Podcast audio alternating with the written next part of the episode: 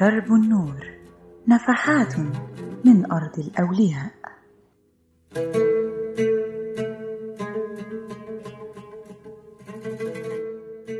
أهلا بيكم وحلقة جديدة من برنامجنا درب النور. أنا نشوى فاروق وهكون معاكم في حلقة النهاردة.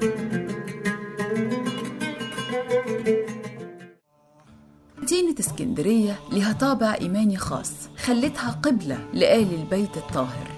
اللي كان مجيئهم لعروس البحر لتلقي العلم على إيد شيخ الأولياء سيدي أبو المرسي أبو العباس. مدد يا مرسي مدد واللي كانوا على إيده بيتعلموا السماحة والسلام والوصل وعلوم القرآن والزهد والورع. حكايتنا النهاردة عن حجرة بها 14 محمدا.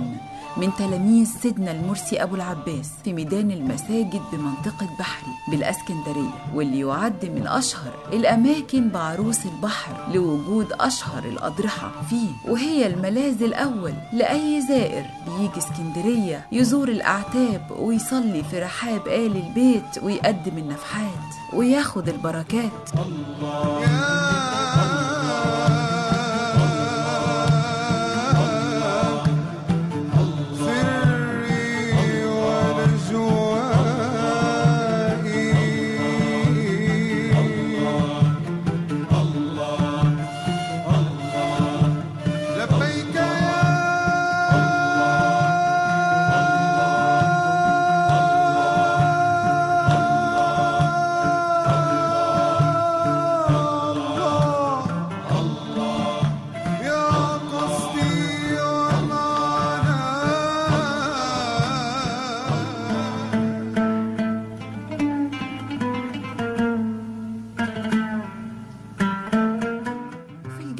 الشرقي موجود عدد من الأضرحة. منهم أضرحة 14 شيخ مدفونين في حجرة واحدة واللي بيحرص على زيارتها عدد كبير من المريدين والأتباع من كل شبر فيك يا مصر. زيارة آل محمد ندر ولازم نوفيه وناخد البركة. وداخل حجرة بتحتوي على 14 شباك صغير. من الخارج مدون على كل شباك اسم شيخ ولي صالح من أولياء الله الصالحين. وداخل الحجرة يرقد جسامين الشيوخ الطيبين الطاهرين وليهم قصة من أغرب وأفضل القصص اللي ممكن نسمعها عن حب المعلم واللي ممكن نطبق عليهم مقولة من علمني حرفا صرت له عبدا لكن تلاميذنا اليوم هم جاءوا من بلاد بعيدة شدوا الرحال حبا ورغبة في تلقي العلم على إيد أستاذهم سيدي المرسي أبو العباس. شلاية مرسي أبو العباس. ومدفون بأضرحة الأربعتاشر شيخ من تلاميذ سيدي المرسي أبو العباس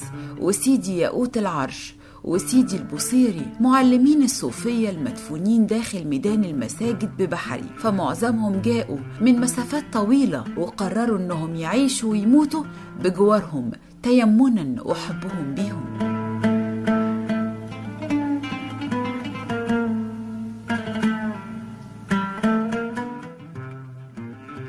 ومن القصص الغريبة للشيوخ داخل أضرحة الأربعتاشر شيخ بالأسكندرية إن من يموت ويدفن يطلق عليه اسم محمد وهي عادة أطلقها الصوفية على تلاميذ الشيوخ. وحبا في رسول الله. مدد يا سيدنا النبي مدد. ومن الشيوخ المدفونين هم مقام سيدي محمد بركة المتوفي عام 1398 وسيدي محمد غريب اليمنية وابن وكيع الشهير بأبي نواتير وسيدي محمد الغريب. وسيدي محمد الشريف المغربي وسيدي محمد أبو وردة وسيدي يوسف الجعراني وسيدي محمد بركة وسيدي محمد الشريف وسيدي محمد الطرودي وسيدي محمد الحلواني وسيدي محمد إجابة وسيدي محمد صلاح الدين وسيدي محمد مسعود وسيدي محمد المنقعي وكلهم كانوا من تلاميذ سيدي المرسي أبو العباس وتوفوا أثناء تلقيهم دروس العلم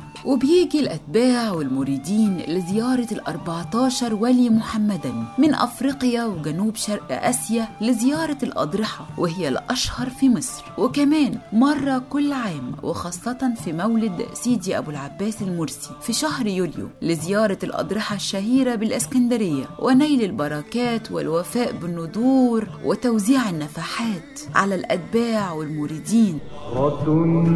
من ندى